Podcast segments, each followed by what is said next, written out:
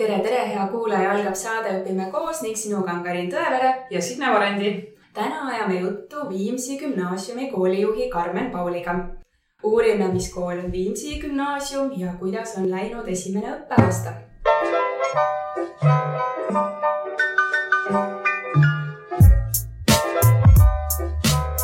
tere, Karmen.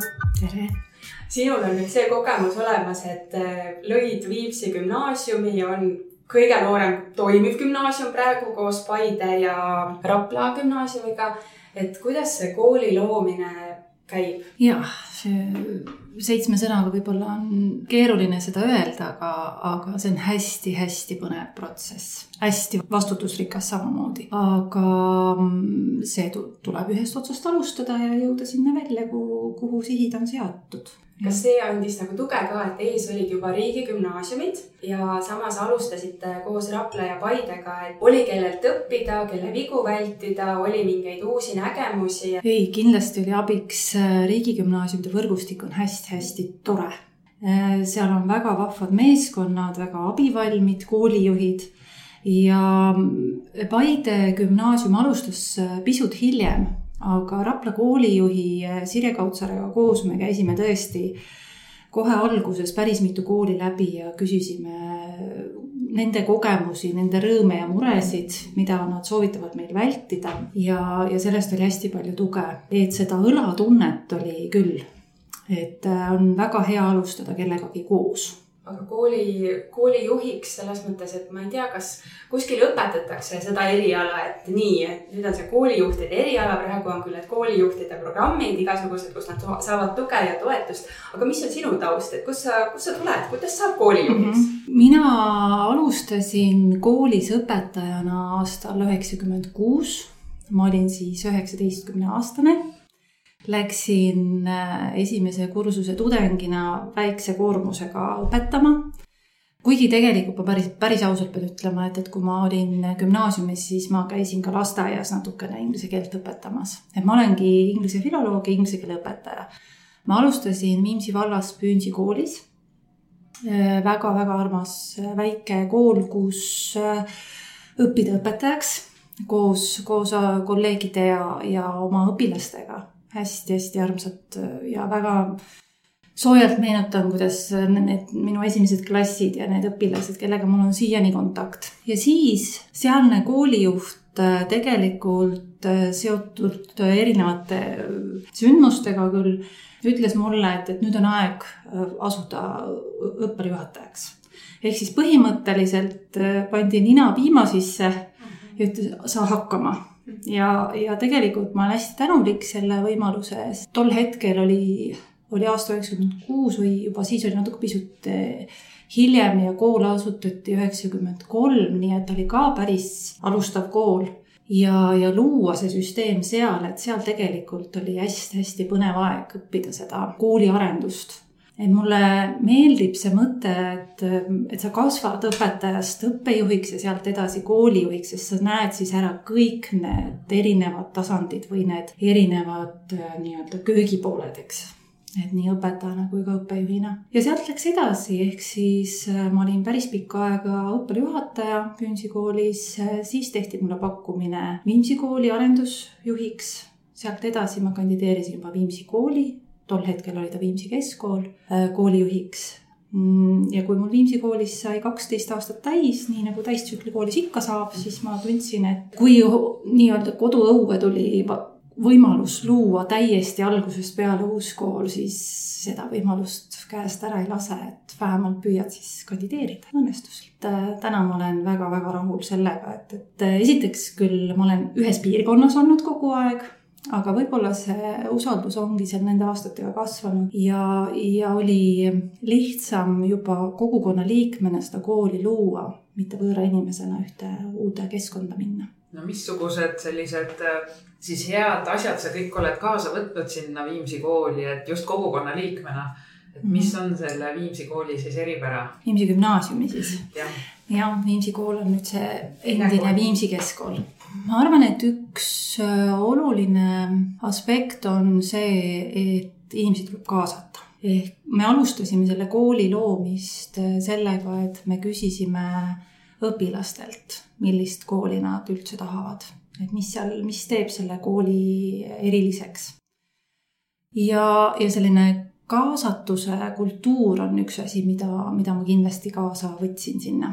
teine asi on see, et, et Viimsi valla koolid, kõik kes seal on, on olnud julged katsetama. Nad on olnud alati sellistes arengutes võib-olla kaks sammu ees ja, ja see julgus tuli ka kaasa, et me teeme täiesti teistmoodi kooli. ehk siis Tallinna kõrvale, teades, kui mitmekesine on Tallinna koolivõrk, ei ole mõtet luua täpselt koopiat mõnest teisest koolist, vaid pidi midagi muud looma sellist, et, et see oleks atraktiivne, sest gümnaasiumid ju konkureerivad omamoodi. aga meie eesmärk ei ole muidugi võistelda mitte kellegagi. hästi hea meel on selle meeskonna üle, kes, kes täna mul koolis on, et see siht ja see mõte üldse sellise, see haridusfilosoofia on, on nii sarnane meil. me tunneme tõsiselt, et me ajame ühist asja ja selline peretunne on hästi tugev ja sealt siis on need eripärad ka välja kasvanud.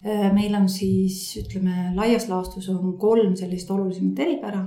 Need on rohked valikud, ehk siis meil on moodulsüsteem, mitte õppesuunad. me usume sellesse, et, et kui õpilane lõpetab põhikooli, see on ta siis kuueteistaastane seal, siis äh, on väga vähe neid küpseid noori, kes oskavad täpselt valida selle õppesuuna, mis määratleb siis ära järgmise kolme aasta tee. ja seetõttu me otsustasime, et me pakume selliseid äh, valdkonnapõhiseid kursuste pakette, mida me nimetame siis mooduliteks ja igal aastal on õpilasel võimalus valida. Äh, me ei läinud päris valikkursuste teed seetõttu, et, et puhtalt oleksid valikkursused, õpilane paneks ise oma õppekava kokku, mis on ka väga hea võimalus. lihtsalt meie suuruse juures see logistika oleks läinud keeruliseks ja teiseks meile tundus, et see võib-olla jääb siis õpilase jaoks pinnapealseks, kui ta võtab erinevaid, me tahtsime, et sellest valdkonnast kui sellisest saab saaks ülevaate. ja on ka sarnaseid valdkondi, ehk siis see, kes, õpilane, kes on väga sihikindel ja väga teadlik oma tulevikus, saab valida sama valdkonna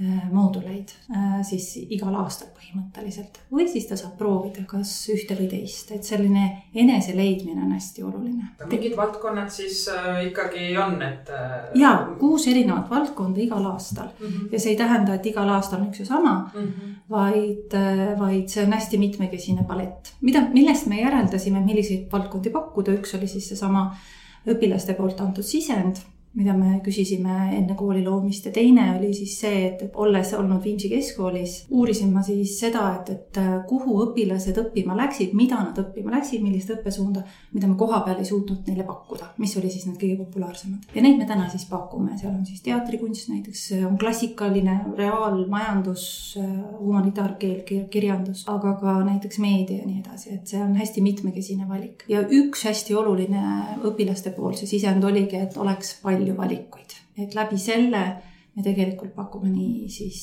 neid mooduleid kui ka eraldi veel valikkursusi. teine, mis on selline oluline eripära, on siis see, et, et meil on mentorsüsteem klassijuhatamise asemel ja see on päris keeruline selles osas, et äh, traditsioonid on väga tugevad kui õpilane, kes on üheksa aastat õppinud põhikoolis, tuleb sellisest kultuurist, siis selle klassijuhataja tähendust muuta kolmeks aastaks on, on paras väljakutse. meil ei ole ka ju ühtegi head näidist ees Eestis, et me olemegi selles osas teerajajad ja ma olen päris palju sellel suvel ka lugenud ja uurinud erinevaid teadusartikleid just selle poole pealt, et mida see grupi coaching ja, ja tiimi coaching tähendab ja grupi äh, protsessid üldse, grupidünaamika. et äh, meie mõte on siis mentorsüsteemi puhul on see, et toetada just ennastjuhtivat õppijat läbi selle, et äh, kui klassijuhataja rollil on sageli selline info vahendamise, korraldamise roll on suurem, siis mentorsüsteemil on just pigem ikkagi äh, mentor kui coach, kes läbi küsimuste toetab just seda sisemist motivatsiooni ja selle selle tee leidmist, et kuhu, mida ta siis edasi õppima läheb aga sellist küpseks nooreks kasvamist, seda, seda, see on see meie eesmärk, et seda toetada just. aga need mentorid, coach'id, need on ikkagi õpetajad ise, mitte kuskilt väljast keegi? ei ole väljastpoolt ja et, et äh, nad on saanud äh, koolituse, ühe koolituse, kahe koolitusega, loomulikult äh, kultuuri ei loo ja mm -hmm. põhjapanevaid teadmisi ei, ei anna aga see on pidev protsess. alles esimene aasta on selja taga ja suur, noh, suured plaanid on ees, et, selles mõttes jah, et, et äh, head näidised võib-olla on Hollandist, eks ole, Rootsis on sellised toimivad süsteemid. me tahame hoida selle klassijuhataja võib-olla seda väärtuslikumat osa või seda head poolt, aga et see rõhk ei läheks mitte niivõrd lihtsalt, et mis koolis toimub ja, ja info ja puudumised. täpselt, et selleks on olemas meil eraldi ametikohad, õppekorraldusjuht vaat-, annab oma info, eks ole, kus olla, mis kell ja nii mm. edasi seda ei pea tegema mentor või klassijuhataja, et, et väiksemas koolis on see võimalik mm. et vastavalt huvijuht jagab oma infot otse õpilastele ja seal ei pea vahendama siis mentor vahel, nii et, et see on see üks, üks eripäradest ja kolmas mm. -hmm on koolikultuuri selline üld, terviklik organisatsioonikultuur. ehk siis seesama kaasatus, millest ma alguses rääkisin, meil ei ole koolil juhtkonda, meil on küll juhid, kes vastutavad oma valdkonna eest, oma kindlate ülesannete eest, aga me õpetajatega otsustame selliseid, selliseid suuremaid asju koos ja meil ongi äh, kord nädalas äh, koostöötund, kus me olulisemad teemad ette võtame ja koos, koos äh, siis teeme otsused et õpi-, õpetajad on reaalselt kaasatud koolijuhtimisse läbi selle. kahekümne esimese sajandi õpioskused on see, mida te pakute õpilastele. kuidas te need annate?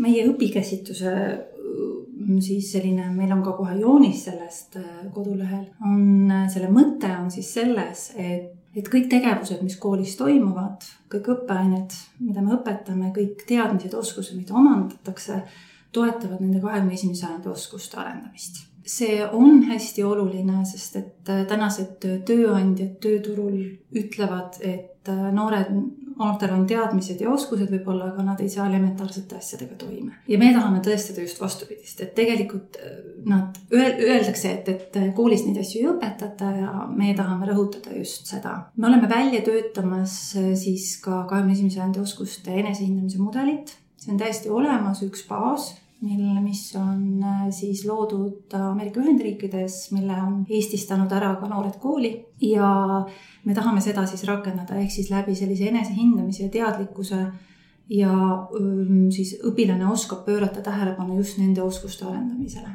Ja õpetajatega koos, ehk siis kui, kui mingisugune näiteks eesti keeles või ükskõik millises õppeaines mingisugune ülesanne antakse siis äh, läbi eesmärgistamise tegelikult tuuakse välja ka see, milliseid oskusi läbi selle just nendest kahekümne esimese sajandi oskustest arendatakse. me oleme väga algusjärgus sellega, aga see on selline suurem, suurem töö ja seal on hästi suur roll just mentoril ka.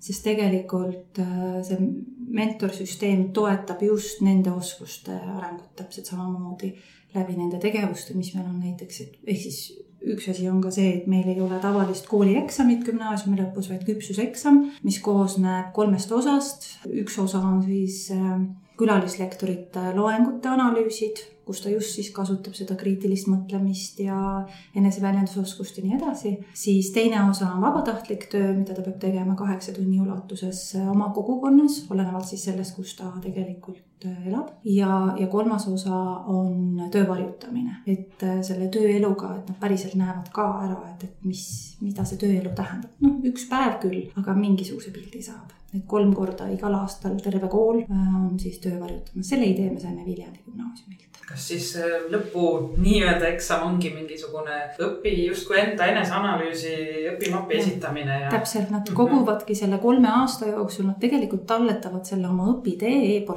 e-portfooliosse ja siis nad äh, tutvustavadki seda, et, et kuidas nad on arendanud just neid kahekümne esimese sajandi oskusi. et me mõtlesime täpselt samamoodi, et me võime ju öelda, et, et me neid arendame, aga kuidas me mõõdame siis hiljem. et läbi selle tegelikult selle analüüsi siis äh, gümnaasiumi lõpus nad presenteerivad siis oma, oma seda kolme aastat, mida nad on õppinud ja kuidas. teine märksõna, mis ma sealt kodulehelt leidsin, oli ennastjuhtiva õppija kursus. kas see on päris esimesel aastal, kui nad tulevad või see on läbi kolme aasta kuidagi käib? see on kahekursuseline aine, mis äh, algab äh, siis G1 astmes, see on kümnes klass ja Nad õpivad siis jah, seda kõik mm, esimesel ja teisel perioodil ja pärast hiljem seda jätkuvalt toetab mentorsüsteem samamoodi. aga jah, ta on kaks kursust, mis on kohe alguses, gümnaasiumi alguses ja see koosneb kolmest osast on õpistrateegiate osa, kuidas õppida, üks asi on see, mida, kuidas õpetatakse algklassides,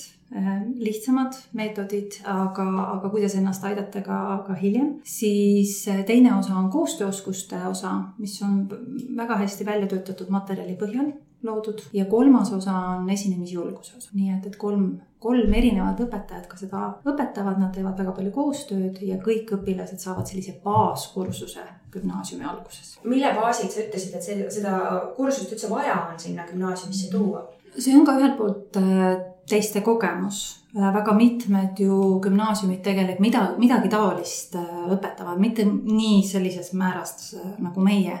et see on selles mõttes meie enda poolt loodud, erinevatest asjadest kokku pandud. esimese aasta tagasiside on hästi positiivne õpilaste tagasiside, et see oli neile vajalik. Äh, nad said julguse, nad on teadlikumad, osad asjad on kergemad, osad asjad on raskemad. näiteks käsitletakse ka teemat, milline on ajutegevus, eks ole, mis toetab aju äh, tegevust ja mis mitte. et selles osas äh, see vajadus tuleb ikkagi sellest, et esiteks igalt poolt on ju see teadmine olemas, et äh, noored ei oska õppida või et seda tuleb toetada.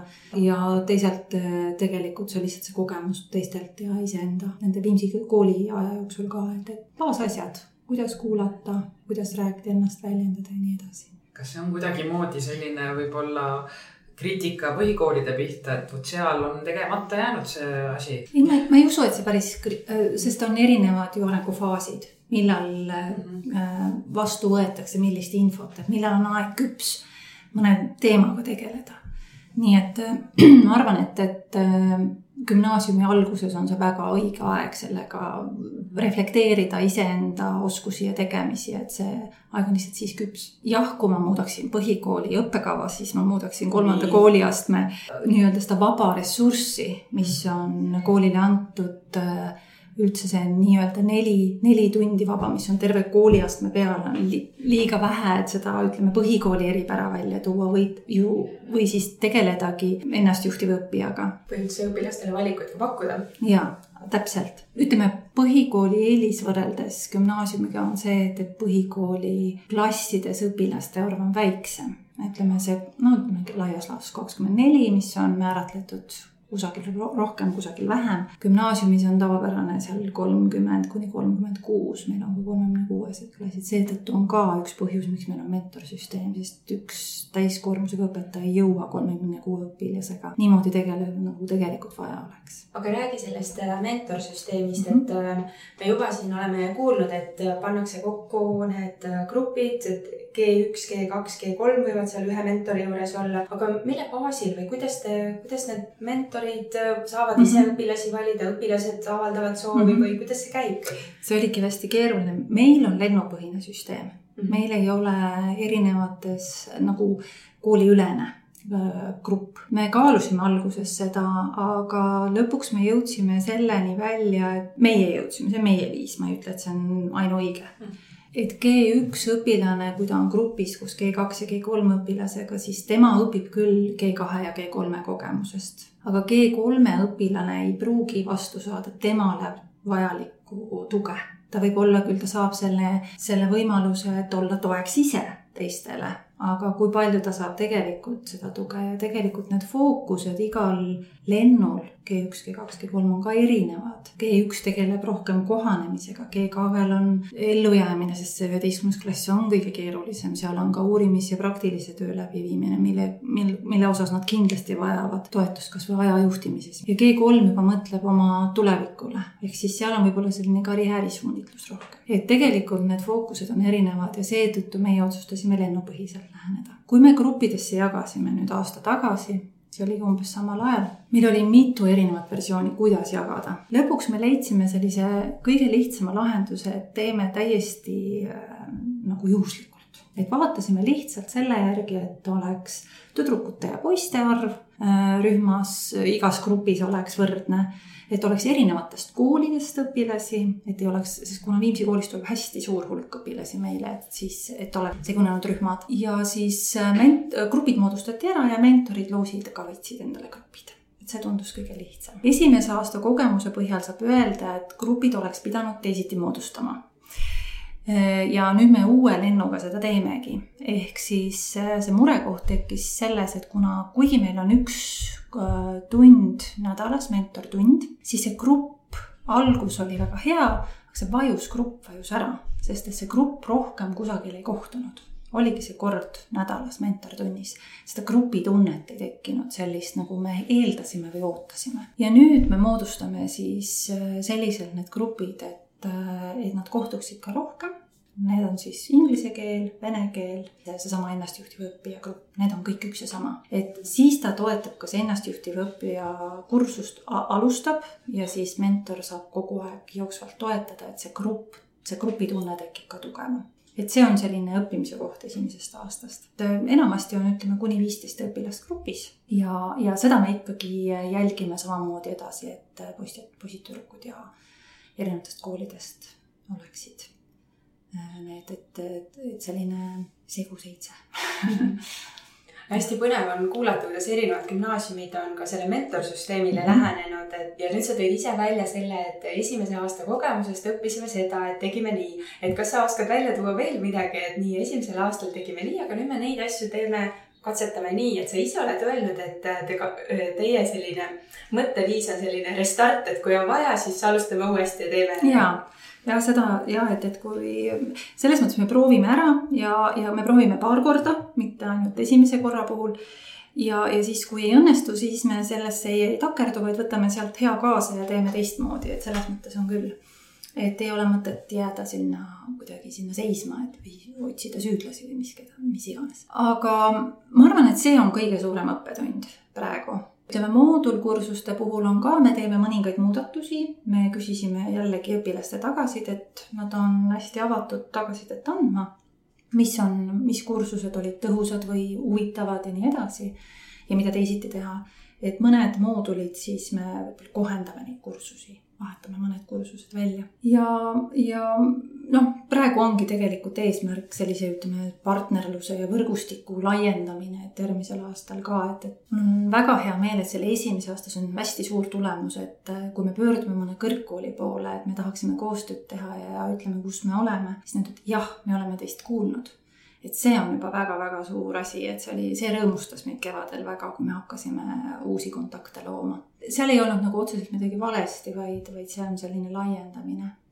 Äh, muus osas on edasiarendused, et selline õppetund oli pigem selle mentorgrupi äh, loomisega seoses kas mingisuguseid erinevusi on ka täiesti lihtsalt koolipäeva ülesehituse juures?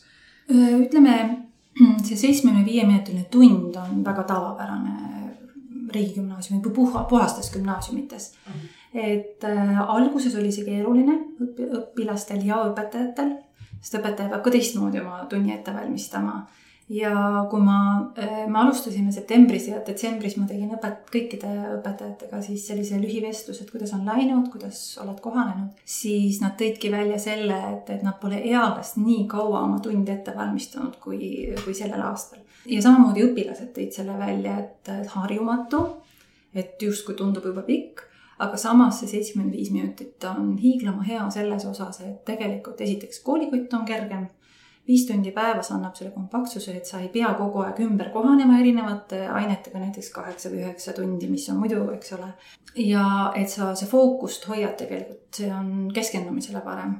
tegelikult noored ütlesid ka, et päev läheb päris kiiresti, et pool üheksast me alustame, kell neli me lõpetame ja vahepeal on siis üks neljakümne viie minutiline pikem paus äh, lõunaks või jalutuskäiguks või suhtlemiseks õpetajatega, mentoriga. Et see on see aeg, kus on ka vahepeal saab kasvõi värsket õhku hingata. et see on selline päeva ülesehitus, mis hästi töötab, et, et see on, miks ma olen ka selle põhikooli ja gümnaasiumi lahutamise usku on just see, et, et tegelikult kolmanda klassi ja üheteistkümnenda klassi õpilase vajadused, õpitingimused on niivõrd erinevad, et äh, ma tunnengi seda, et, et praegu selle Viimsi kooli ja gümnaasiumi lahutamisest äh, tegelikult õpilased võitsid väga palju. muidugi on äh, ümberkohanemine keeruline, juurtest lahti lõikamine on raske ja, ja keerulisem on võib-olla isegi Viimsi koolil ümber kohaneda. see võtab aega, aga see läheb ilusasti paika kõik, et äh, tegelikult jah, et, et kui suures täistsükli koolis sa nagu proovid kõigile midagi natukenegi anda, siis seal tegelikult see kolmeaastane grupp, kes sul on, et sa võid, sa suudad neile rohkem pakkuda läbi selle. et see on hästi tore ja sellepärast on see seitsmekümne viie minuti tund ka väga-väga hea. aga täistsükli koolis seda ei saa, korra, õppekorralduslikult on väga keeruline aga uue koolina, kuidas on kooli traditsioonidega, et kui on sajaaastane kool, siis on sellised põhjapanevad traditsioonid mm, -hmm. mida kõik teavad, et kuidas uue kooli puhul on, et kuidas sünnivad traditsioonid uues koolis? ja eks need ongi loomisel, et äh, meil oli tohutult kihvt esimene lend, see, kuidas nemad pühendunult äh, tegelikult ka neid uusi traditsioone lõid või ütleme, me võtsime hea kaasa Viimsi koolist Äh, see, mida õpilased ise tõid välja, mis on sel-, seda väärt, et võiksid, äh, võiks jätkata. me tegime lihtsalt natukene uue, uuemas kuues seda. et äh, nad tõesti jätsid nüüd väga suured kingad maha järgmisele lennule.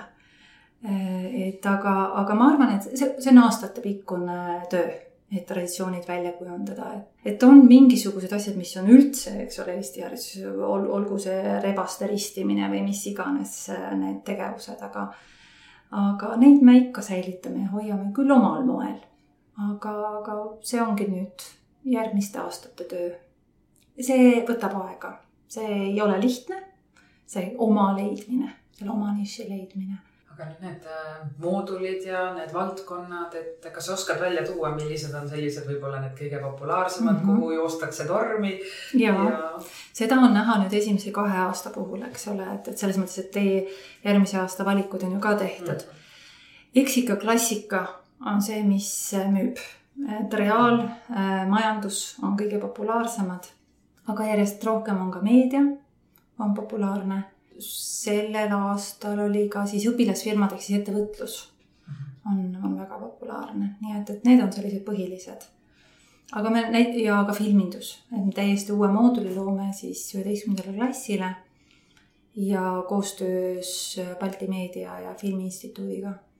et meedia siis ühesõnaga ja filmindus, filmikunsti moodul on ka hästi populaarne praegu aga eks me jällegi üks aasta on, kui saame ära tehtud, et siis vaatame, kuidas, kuidas tagasiside on. aga jah, väga-väga hea positiivne tagasiside oli moodulitele ja nüüd, mis veel need, kes tulid siis nüüd sellel aastal katsetele ja vestlustele, uued noored, nemad just tõidki välja selle, et, et mille pärast nad tulevad meile või tahavad tulla, ongi see moodulsüsteemi pärast. et need valikud on, on need, mis vaeluvad ja tullakse üle Tallinna, eks ole ju, et, et just oletegi nagu alternatiiv ja oma näoga uus kool siin ja. Tallinna koolivõrgus. no täitsa Tartustki, minu üks endine õpilane Tartu Veeriku koolist äh, tuli just äh, teatri suuna pärast näiteks. on, et meil ei ole ainult Tallinnast, vaid on tõesti Tartust, on Saaremaalt, on nüüd on Narvast tulemas, Türilt, nii et, et selles mõttes on on see üsna, meie võib-olla, võib-olla tuleks veel rohkem, kui meil oleks õpilaskodu, meil seda ei ole aga. on see eesmärk, et? hetkel ei ole, hetkel ei ole, et, et sest Viimsi vald ja noorte arv seal on niivõrd suur, et meil ei ole vaja praegu hetkel seda, seda suurendada. me võtame vastu, ütleme sada viiskümmend õpilast ühte lendu, see on juba piisavalt suur hulk, nii et, et juba väga suur, suurem enamus on nendest Viimsi vallast aga pakute mingit eraldi toetust nendele õpilastele, kes tulevadki Tartust, et võib-olla vanemad jäävad koju, nad on ju tegelikult, tegelikult on nad ju veel lapsed. tulevad muidugi. täitsa võõrasse linna, täiesti uus koolikultuur, koolipäev on ka täiesti teine, et äh, on need noored, saavad nad hakkama? no üldiselt saavad selles mõttes, jällegi seesama mentorsüsteem ju toetab.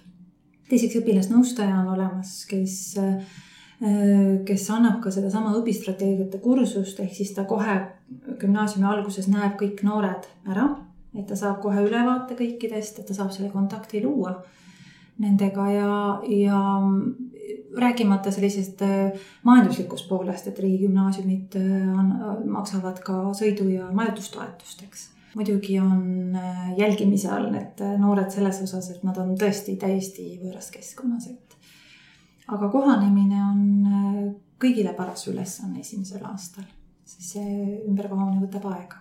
kuidas on tugispetsialistidega gümnaasiumis, et mm. -hmm. mina tean põhikooli olukorda mm, -hmm. aga, aga psühholoogid, sotsiaalpedagoogid.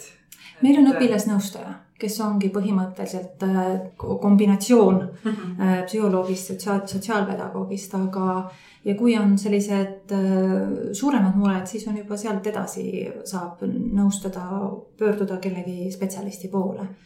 Aga õpilasnõustaja või õppenõustaja, olenevalt siis riigigümnaasiumist, kuidas keegi on selle rolli mõtestanud, siis on täiesti üks ametikoht olemas, jah mina pean ikkagi mainima selle ära, et ega ma niisama, Karmen, sinuga ühendust ei võtnud, et ma ikka õpetajatelt natuke uurisin tausta ja, ja kõik õpetajad, kellega ma rääkisin, nimetasid ära just sellesama, et nad tunnevad, et nad on olulised selles koolis. seda tunnet, et millise positiivsusega nad rääkisid sellest loodavast koolist, oma koolijuhist ja sellest, kogu sellest keskkonnast, et kuidas saab seda nagu teistele ka anda, et mis see võti on siis või kuidas, kuidas sa oled suutnud selle viia õpetajateni? muidugi siiani ma imestan, et ja imetlen seda, et, et kuidas need õiged inimesed üldse meie juurde jõudsid. ega ma ei tea, kuidas nad või mis neid ajendas. ma tean küll seda, et, et meie selline alguse tuumik, kes me olime kolmekesi, mina siis õppekorraldusjuht Ingrid Hermet ja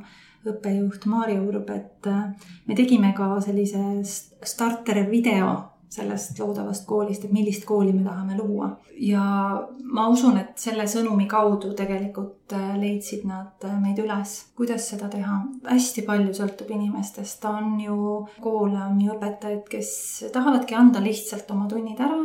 ta ei, ta ei taha võib-olla niivõrd palju panustada kooli arengusse võib-olla see on seotud ka mingil määral sellega, et, et on ju nii kindlad traditsioonid ja tegevused välja kujunenud aastate jooksul, et noh, mis mina, eks ole, seal hakkan kaasa rääkima. ükskõik, kui te räägite ükskõik millisest uuest koolist tegelikult, väga sageli on see kaasatus ikkagi üks märksõnadest mul tuleb meelde kasvõi Kalamaja avatud kool või, või mis iganes riigigümnaasium. eks see on inimese loomuses ka, et, et mis on see juhi, ütleme sellise filosoofia ka minu jaoks on alati oluline olnud põhimõte, et juht kasvatab ka uusi juhte. ehk siis läbi selle tegelikult seesama ennastjuhtimine, nii täiskasvanu ennastjuhtimine ka. et see, mida me teeme, sellel on mõte ja tähendus ja mida ma ise ülikoolis väga põhjalikult uurisin, oli psühholoogiline võimestatus ja juhi võimestav käitumine ja selline seosed siis muutunud õpikäsitusega. äärmiselt põnev protsess, uuring Mm, siis sealt ma sain selle tõuke, et tegelikult on küll võimalik äh, inimesi kaasata. ma alustasin sellega juba Viimsi koolis, kõik sellega kaasa ei tulnud. Äh, osade jaoks kindlasti on alati, et jälle see koolijuht tahab mingisugune arenguseminar ja tahab jälle meie arvamust kuulda, et tehku see asi ära iseenda jaoks, temal on see ülesanne, eks ole. aga, aga on neid, kes tegelikult tahavad kaasa rääkida ja õnneks on Eesti haridusvõrk on niivõrd mitmekesine, nii erinevat tüüpi koole on, õpetaja leiab selle, kus tal siis on parem kuidas need õpetajad nagu kohanenud on seal uues koolis, et kui kõik on uus, et see esimese aasta võib-olla selline adrenaliinilaks on võib-olla ka nüüd nagu, nagu tase on langenud, et kuidas sa motiveerid neid edasi nüüd järgmisele mm -hmm. õppeaastale vastu minema? ja see on üks, üks tegelikult üks võtmeküsimus selles osas, et, et ma väga palju õpetajatele ka ütlesin seda, et see on esimese, esimene aasta on eufooria aasta ja, ja meil on tõesti läinud hästi ja me oleme tõesti kuulanud üksteist ja ja, ja selles mõttes on kõik kenasti läinud. aga et ja olen ka öelnud, et teine aasta on kindlasti kriitilisem. et teine aasta on sageli raskem ja kolmas-neljas me saame juba vilju nautida, eks. et see öeldakse ju kvaliteetaastad siis. aga, aga eks see võti on ikkagi selles, et nad tulevad kindlasti entusiasmiga. ma arvan, et kõik me olime kohutavalt väsinud suve, suve alguseks et äh, seda kõike oli nii palju ja ma nägin ka seda väsimust aasta keskel, et äh, pingutasin selle nimel, et seda särtsu uuesti tagasi vahepeal tuua seal jaanuar-veebruar on päris raske. vähe asju korraga on üks asi, et sa ei sea endale aastaks liiga suuri eesmärke. ma olen mitmeid kordi neile nüüd rõhutanud ka, me järgmisel aastal keskendume nendele kolmele asjale, eks ole. konkreetsed tegevused ja me ei sea endale, ma ei tea, lõpmatuid kättesaamatuid unistusi sealt me vaatame edasi, et kõigepealt see, ehk siis vähem korraga, aga põhjalikumalt ja, ja teiseks on ikkagi see kuulamise pool ka. et lihtsalt, kui see teadlikkuse tagasilöögid või sellised kriitilisemad küsimused võivad tulla, need on väga head, sellepärast et need on edasiviivad. et mis me siis teeme, näiteks eelmisel aastal ka, et, et äh, aeg-ajalt lasin seal koostöötunni alguses kirjutada siis Cleveritele, et äh, mis murekohad on. Kogusin, kogusin need kokku, et millest me peaksime nagu rääkima ja siis jagasin need järgmiste niimoodi vaata, grupeerisin ära, et mis teemad on olulisemad ja, ja kõik need teemad said läbi rääkida. et, et see on seesama asi, et, et, ähm, et lasta neil ikkagi kirja panna või välja öelda, et ähm, mis, mis mureks on.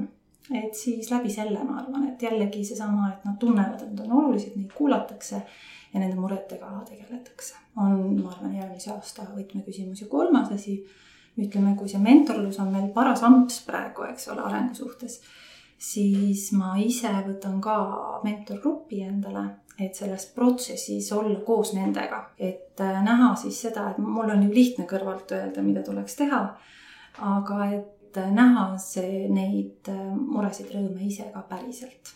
et olla üks nende seast, et see on ka, ma arvan, üks oluline asi, vähemalt minu arvates aga see on päris julge samm, ma mõtlen seda, et kuskil uuringus, ma nüüd ei mäleta, kus, aga ma lugesin seda, et koolijuhid järjest enam kaugenevad nagu sellest õppetööst, et nad nagu noh, seda kõike muud asja on nii palju, et sina vastupidi, et vanas mõttes nagu võtad klassi, eks ju, et mm -hmm. kellega sa tegeled, et, et saad sa sellega hakkama, et tead sa, tead sa, milleks sa nüüd valmistad? ja, ja ma tean, et see, see, see võtab lisaaja, aga noh, ma jällegi kompenseerin ennast nagu sellega, et, et, et esimene aasta on selja taga, ütleme need, me tegime väga palju tööd ära esimesel aastal, et see süsteemsus ja kõik see muu luua.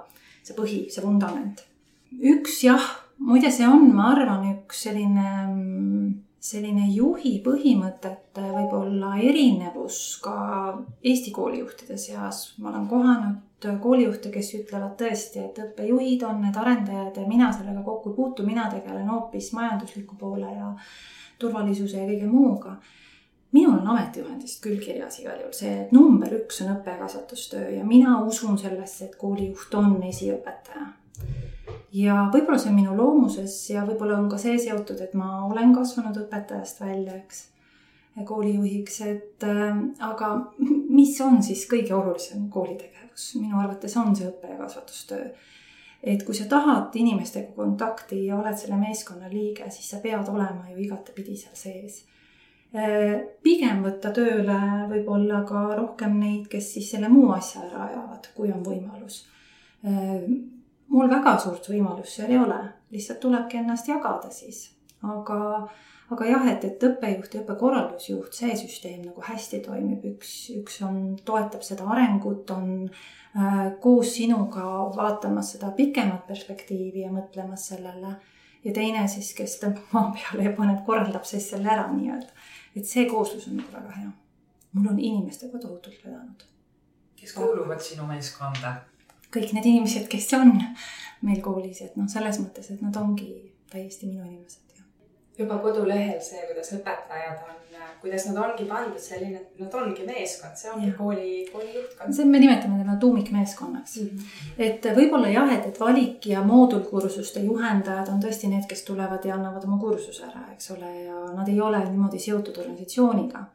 organisatsiooni kultuur, koolikultuur on minu jaoks väga-väga oluline ja, ja, ja seetõttu ongi see tuumikmeeskond on see kogu meeskond jah, ütleme lähemalt võib-olla ma oma ideed katsetan ära õppekorraldusjuhi ja õppejuhi peale, et kuidas tundub mm. -hmm. et selline esimene nii-öelda lakmuspaber, eks mm. -hmm. aga, ja sealt edasi siis me vaatame, et, et kui nemad ütlevad, jaa, see on hea mõte, et siis me liigume edasi. see on muidugi vastastikune siit vestlusest käib see organisatsiooni juhtimine ja see kultuur käib nagu läbi, et kuidas sa ise nagu tead seda, et kas sa loed siis, kuulad sa mingeid podcast'e või käid ise kuskil koolitusel või tead midagi soovitada? Äh, ma läksin õppima, ma õppisin organisatsiooni käitumist äh, Tallinna Ülikoolis, et see oli üks, üks vist, üks nendest parimatest otsustest elus, et äh, seda õppima minna, sest ma olin juba sellel ajal selline teadlik õppija selles osas, et ma teadsin, mida ma tahan, mida mul vaja on selleks, et mitte ainult äh, sisetunde pealt otsuseid teha, vaid seda põhja, nii-öelda teaduspõhja või uuritud põhja, tõenduspõhisust. juurde saada. ja jah, ma loen väga palju tegelikult äh, ka erinevaid uuringuid, teadusartikleid praegu ja üldse raamatuid sellel, sest see on hetkel hästi huvitav minu jaoks, et uue kooli loomine on niivõrd eriline ja niivõrd võimas, et see, seal tuleb midagi lisa iseenda jaoks ka, vähemalt mina tunnen nii, et äh, lugeda ja, ja uurida selleks, et äh, see toimima saada. sest et kõik vaatavad sulle otsa ju, et, et äh, ootused on nii suured nii õpetajatel, lastevanematel, õpilastel, iseendal on ootused suured sellele kõigele. Et lihtsalt nii-öelda vana rasva peale ei saa. Et äh, sinna tuleb ja loomulikult ma osalen ka ise, kui vähegi võimalik, erinevatel äh, koolitustel või konverentsidel, olgu see siis ESHA või näiteks äh, siin haridusinnovatsiooni meistriklass on tulemas, oli koolijuhtide mentorkoolitus ja nii edasi, need, mis on ikkagi põnevad, sellised edasiviivad. hoian ennast kursis, jah kas need koolitused sinu hinnangul, et on need muutunud nagu sisulisemaks, et inimesed ma ei, ma ei tea, me oleme Signega siin ise arutanud, et me, mida vanemaks me saame, seda rohkem me valime, et mis koolitusele me lähme, et mõnele koolitusele, et ei, me ei lähe sinna, et, et kas need koolitused on muutunud sisukamaks?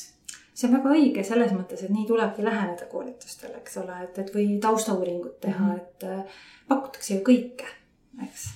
Aga just see, et, et see, see teadlik äh, valimine on hästi oluline. et äh, mina samamoodi, et äh, tegelikult valikuid on ja, ja kui sa uurid, saad taustainfot, kui on see varem toimunud, uue puhul on see, et, et sa lähed siis lihtsalt kaasa, eks ole, sa vaatad, kes on need tegijad, keda sa saad usaldada. Et kui sa oled juba selles keskkonnas või haridussüsteemis sees, sa tegelikult juba tead ja oled kuul-, kuuled ära, et kes, mm. keda tasub kuulata ja keda mitte. et selles osas on, on läinud sisukamaks küll on tegelikult Euroopa rahastusega on ju neid võimalusi ka suur, rohkem. kuigi ikkagi see üks protsent, see, mis on kooli eelarvesse antav koolitussumma, see on ikkagi liiga vähe, et teha just meeskonnakoolitusi. Sest meeskonnakoolitused, kui sa tahad head koolitust, on väga kallid. sa praktiliselt kulutad kogu oma aasta eelarve ära kahepäevasele koolitusele aga mis usku sa oled, et kas sa näed, et äh, peaks olema selline koolitus, mis läheb kogu meeskonnale, noh, noh kindlasti oleneb see teemast, on ju, või sa oled seda usku, et nii, et äh, ma sellele õpetajale annan nüüd seda ja ta jagab noh, seda oma meeskonna, oma nii-öelda õpetajatega. või see oleneb jälle ikkagi teemast? ma arvan, et selliseid elus üldse vist mustvalgeid lahendusi mm -hmm. on, on, ei tasu võtta päris nii, et, et on, on, see sõltub, ähm, see sõltub sellest teemast kui on koolile oluline, organisatsiooni kultuurile, koolikultuurile oluline teema, nagu meil on näiteks see mentorlus, siis me põhimõtteliselt koolitame kõik töötajad välja, et ka, ka juhi abi või kommunikatsioonijuht on mentoriks. et siis need on need, mis peavad olema tervele meeskonnale. Ja järgmisel aastal ma ju olen just kavandamas uut koolitust, mis ei ole ühekordne, vaid ta on Äh, järjepidev, ehk siis iga kuu kord äh, tehakse kahetunnine seminar, kus räägitakse siis äh, teatud teema, sest siis, siis ta nii-öelda imendub mm. -hmm. et ta jõuab nagu kohale, et see ühekordsest tegevust ei piisa. aga kui grupis selgub, selles samas meeskonnas selgub, et osad oskused on ju suuremad, teistel vähemad ja keegi vajab individuaalkoolitust, siis on vaja suunata konkreetsel teemal keegi individuaalkoolitusele. Ehm, igal juhul koolile olulise prioriteetsete tegevuste puhul või teemade puhul on vaja meeskonnakoolitust. Ja see on see, mida nad tegelikult õpetajad ka tahavad, sest see loob selle ühtsustunde, selle meie-tunde, läbi mille nad tunnevad jälle ennast kaasatuna ja et nende tegevusel on tähendus ja mõju. no missuguseid koolitusi õpetajad veel on küsinud, gümnaasiumiõpetajad siis just, et vot see valdkond, ma tõesti tunnen, et gümnaasiumiõpetajana mul oleks praegu vaja just siin kaks tuhat üheksateist, kakskümmend aastal. Neid on selliseid spetsiifilisi ka olnud või näiteks see, et, et ta tahab mõnda uut valikkursust pakkuda ise. näiteks esimene, mis mul pähe tuleb, ta soovib näiteks ise filmindus või kirjandus ja film mingisugust kursust läbi viia, ta on ise kirjanduse huviline, aga ta tahaks ennast täiendada sel teemal, siis täna näiteks pakutakse sellist laadi koolitusi või siis äh, näiteks üks õpetaja, kes tahab minna siin äh, alustavate õpetajate värskendus, selline koolitus, aasta alguse koolitus, kus jagatakse ideid ja meetodeid ja nii edasi. et sellist midagi enamat jah, midagi lisa enda jaoks kas siis erialaselt või, ja ma, ma usungi, et erialased koolitused ongi võib-olla pigem individuaalsed mm -hmm. ja sellised laiemad teemad siis, kui juba keegi ütleb, et, et see, et näiteks tahaks motivatsiooniteemalist koolitust, oletame, siis, siis juba hakkad mõtlema, et ahaa, see võiks olla võib-olla, mida sisekoolitusena teha. aga meil on plaanis jah, me taotlesime Erasmuselt siis ka äh, kirjutasime projekti ja äh, ja saime rahastuse, nii et, et meil ongi mentorlus ja coaching on läbiv teema järgmisel aastal. ja siis, kui ma ei eksi, siis üksteist õpetajat käivad siis erinevates riikides nende teemalistel koolitustel ja teevad ka siis oma selle refleksiooniseminari, et nad annavad seda edasi siis. et see kõik jällegi toetab seda kõike, et ja, ja osaleme ka Tallinna Ülikooli siis tulevikukooli programmis, mis, kus meil on siis mentorluse juures äh, ka Tallinna Ülikoolist äh, konsultant, kes aitab meil hoida fookust siis olulistel teemadel. aga me salvestame siin ruume või salvestamise ruumiks on meil asendusõpetajate selline kontor. et äh, kas te asendusõpetajatega olete ka kokku puutunud? ja, ja olen seda teenust kasutanud, kui ma ei eksi, siis kahel korral ja hästi tore oli, selles mõttes äh, hästi tore kogemus. üldiselt gümnaasiumis väga tunde asendama ei pea sest kui ühe päeva õpetaja puudub, siis tegelikult on võimalik jätta iseseisev töö, nad on suured inimesed, nad saavad ise enesejuhtimisega hakkama. aga pikemat perioodi meil olid ka õppivad õpetajad, kes oma magistritööd kirjutasid ja, ja see eeldab ju õppepuhkuse perioode.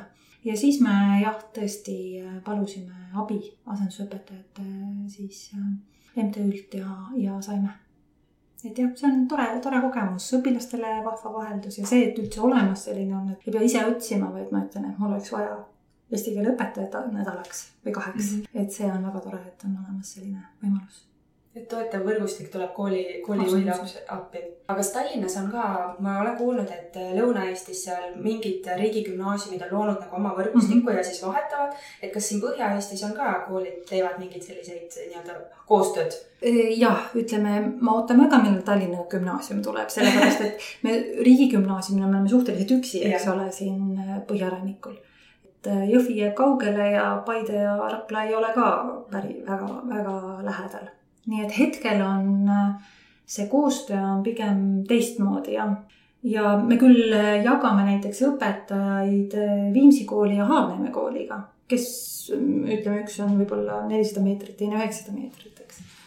et lihtsalt asukoha poolest on, on võimalus jagada ja minu arvates on see igat kooli rikastav suunas ah,. mida võiks veel Viimsi gümnaasiumi puhul välja tuua, mis on väga eriline on see, et, et meil on õpetaja kui juhtmoodul. ehk siis äh, G3 õpilane, kaheteistkümnenda klassi õpilane saab valida endale mooduli, et saada aimdust, mis asi on õpetaja töö. ja, ja selle üle me oleme äärmiselt uhked. see on, me oleme üks esimesi, kes seda välja pakub, nüüd uued riigigümnaasiumid hakkavad vist ka seda pakkuma. aga jah, et, et tekitada huvi äh, õpetajate ameti vastu, sest et äh, meil on suur mure siis järelkasvu pärast ja, ja me loodame siis süstida neisse seda usku, et me juba näeme ära ka, kellel, kellel, kelles seda potentsiaali on. ja mul on hirmus hea meel, et meil on esimene kursus nüüd meil siis avanebki G3 astmesse moodul ja, ja Triin Orgõiv tuleb juhtimiskursust neile tegema ja sealt edasi siis meie kaks õpetajat, üks on ka Noored Kooli vilistlane, teevad siis selle praktilist poolt. ehk siis nad saavad ka praktika osa kus nad saavad olla kas siis partnerõpetajaks oma koolis või me tahaksime pigem koostööd teha Haapneeme ja Viimsi ja Püünsi kooliga ja Randvere kooliga, kes on oma piirkonna koolid. et see on küll äh, asi, millesse me usume ja loodame, et meil õnnestub see igatepidi ähm, äh, teoks teha selles osas, et seda huvi äh, õpetajate vastu suurendada väikse asendusõpetajate programm, ma kujutan ette ka, et kui ongi olukord, kus oma õpetaja on ära ja sul on kohe võtta selline särav täht sealt oma kursuselt, äh, miks mitte, et ta viib läbi selle. eks ju tegelikult õpetajad ju saavad, äh, enamasti ju sa näed juba oma grupis, keda iganes sa Mhm. õpetad ju ära, et kellele sa saaksid loota, eks ole, kes oleksid sellised head, et need tulebki üles noppida, need noored ja, ja neid, neile süstida ja seda, seda pisikut, et, et sinus on see olemas. Niimoodi ma veensin ühe õpilase vähemalt ära, ütlesin, et tule, tule, tule vaata, tule õpime koos Mhm. et, et selles mõttes ma usun küll, et äh, juba ju viimased tulemused ju sisseastumistulemused on, näitavad seda kasvavat trendi, see oli väga rõõmustav. ei ole muidugi ideaalne, aga, aga vähemalt kasvab see protsent, huviliste protsent. see on tore. Ja just see võimaluse andmine, et see on ja õpetajate selline maine järjest tõuseb minu meelest ühiskonnas ka, et mm Mhm. -hmm. nagu me, me kogu aeg oleme pildis, ükskõik, kas räägitakse noored kooli, koolijuhtides, asendusõpetajad, et neid programme nii ägedaid, mis tõmbavad selliseid tegusaid inimesi kooli, et see on nagu hästi-hästi kihvt. Aga sa oled hästi pikalt olnud hariduselus, sa tead seda haridusmaastikku, ma kujutan ette, et väga-väga hästi mis on äh, need murekohad, mida, mis sind murelikuks teevad, kui sa Eesti haridusmaastikku vaatad peale õpetajate järelkasvu mure? ja see vist ongi kõige suurem, ma arvan, see murekoht. noh, selles osas on ju arengud on ähm, planeerimisel, ütleme siis, et äh, mulle väga meeldis elukestva õppe strateegia, see, kuidas ta oli sõnastatud. ja ma väga usun sellesse, mida nüüd täna on loo-, loo-, mis on täna loomisel, ehk siis äh, kaks tuhat kolmkümmend viis, eks. et ma ise olen ka selles ühes töörühmas äh, osalemas.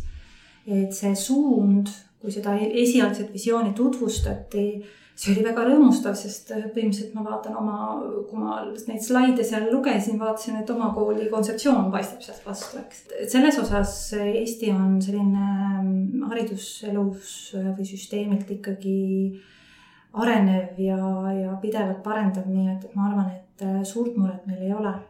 et kui meil on õpetajaid, siis tegelikult äh, ja õpetaja tööd ka väärtustatakse et see mm, ikkagi see sajaeurone palgatõus, mis iga-aastane oli, et see oli ikkagi motiveeriv. praegu seda pikemat perspektiivi vaadates tekitab äh, sügavat muret. et, äh, et kui see niimoodi läheks edasi, siis ma arvan, et äh, meil oleks ka õpetajaid rohkem. muus osas on selline töö õppekavaga näiteks kitsa laia matemaatika, eks ole sellisel moel lõpetamine, ma olen seda meelt, et riigieksameid sellisel moel enam vaja ei ole. Eesti keele eksam peaks jääma kindlasti selline põhimõtteline, aga ülejäänud eksamid võiksid olla valikulised, et nad, riigieksamid peaksid jääma, aga et need ei ole lõpetamise tingimuseks, vaid hoopis siis oleks aktsepteeritavad siis ka ülikoolide poolt, et kui, mida sa täpselt tahad õppima minna, et siis no ma toon näite lihtsalt, et kui on õpilane, kes on suurepärane asjatundja ajaloos ja no jube kehv matemaatikas, siis miks ta peab selle riigieksami tegema, kui ta tahab ajalugu minna edasi õppima ja et sellel ei ole mõtet. Ja, ja tulemused ju, uuringu tulemused näitavad ka, et selle kohustuslikult tegemine ei suurendanud õppijate osakaalu, siis nende erialade õppijate osakaalu, nii et et ma arvan, et need on sellised nipet-näpet asjad, mida annab, annab teha, et, et veel paremaks minna. Aga sul on see kogemus ka olemas, et kui sa Viimsi kooli, siis oli ta Viimsi keskkool, keskkool, eks ju, et seal oli esimesest kuni kaheteistkümnendani kõik need lapsed koos.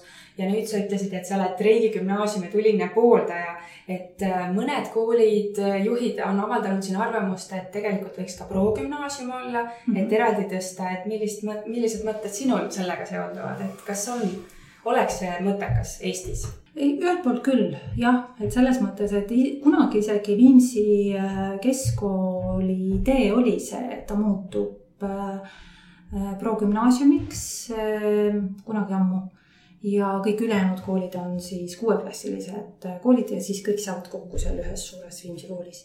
aga noh, kui arvestada seda, et, et Viimsi valla peal on umbes viisteist, kuusteist paralleeli õpilasi, siis ei ole jällegi mõelda, see, see kvaliteet lihtsalt ühel hetkel kannatab selle all, et, et sul on nii suur hulk jah, ütleme seitse kuni kaksteist klass võib olla küll ühes koolis, ma ei näe siin selles mõttes, et üheksandikele väga hea eeskuju ja nii edasi. aga, aga ma arvan, et jah, et see üks kuni kuus ja gümnaasiumiosa peaksid olema just nende erinevate vajaduste pärast ja selle, mida saab siis koolina saab pakkuda nendele, et õpilased võidavad sellest. Et ükskõik, kas ta on siis progümnaasium või puhasgümnaasium, igal juhul õpilased võidavad sellest no murekohad küsisime ära, aga millised on äh, tulevikuvaated, et kui sa vaatad niimoodi kümme aastat, kakskümmend aastat, milline on Eesti kool siis või millis-, millisest koolist sa ise unistad? kool kui selline, õpetaja kui selline kindlasti jääb olema. et selles mõttes, et äh, virtuaalne keskkond ja, ja kõik see kindlasti toetab, need on nagu vahendid et aga inimlik kontakt ja, ja, ja selline nõustamine pool ja, ja toetamine, et see, see kindlasti jääb. kindlasti keskkond nagu selles mõttes ju muutub, kõik areneb. et äh, kindlasti on väga toredaid õpikeskkondi, ma kujutan ette, et täna, mida ehitab näiteks kasvõi Tera, millist keskkonda oma õpilastele või, või järjest rohkem neid äh, uuemaid ähm, koolikeskkondi tuleb ja koolimaju mis on hästi omanäolised, kõik sa mõtled seda, eks ju. ja see on väga vahva ja ma mõtlen just sellist füüsilist keskkonda. mul tuli praegu meelde see, täna või eile oli see uuringu tulemused, et mis võtab ära õpirõõmu meie lastelt. et üks pool oli kiusamine ja teine oli siis õpetajate poolne ebaõiglane kohtlemine et ähm, ma väga loodan, et need on need aspektid, millega ka edasi tegeletakse. et äh, ja, ja selles mõttes ju kiusamisvaba kool ja kõik need kiusamisvaba, need programmid, mis on loodud, et äh, ennetusprogrammid, et need on väga-väga toredad ja need on olemas kas sa näed, et need programmid võiksid olla ka riiklikult rahastatud selles mõttes, et noh, rohkem, et see ongi, ongi loomulik osa jaa, absoluutselt. Äh, kindlasti nad peaksid saama riiklikku toetust ja, ja mis on see valus õppetund või kogemus ka nüüd hiljutisest on ju see, et, et tegelikult nad ei ole üldse jõudnud vene koolidesse. et äh, seal on hoopis teine maailm, ma ei ole käinud, ma ei ole õppinud, aga mul on jäänud selline mulje, et, äh, et selles osas äh, ma loodan, et me jääme ikkagi tuleviku perspektiivis selliseks avatuks ja arenevaks ja, ja, ja ettevõtlikuks. et, et selles osas see kool on ja jääb. aga võib-olla see keskkond, mis meid mõjutab ja need vahendid, mis aitavad kaasa sellele lõpptulemusele, et siis need on muutumas. on sul mõned hirmud ka, kui sa tulevikku vaatad? Et millele me peaks nagu tähelepanu pöörama, et, et mitte võib-olla kaasa minema kõigega või, või et mingeid ohumärke, mis sa oled võib-olla näinud mujal maailmas ringi rännates? no jah, eks see ühelt poolt see avatus võib kaasa tuua erinevaid mm, juhtumeid, mis on, mis on mujal maailmas või on siis äh, erinevad sõltuvused, eks ole, et, äh, et selles mõttes ongi ju ennastjuhtiv õppija kasvatamine oluline, et sa oskad eristada, mis on ja näha neid äh, tagajärgi ja, ja lihtsalt ähm, neid seoseid luua laste, lastele.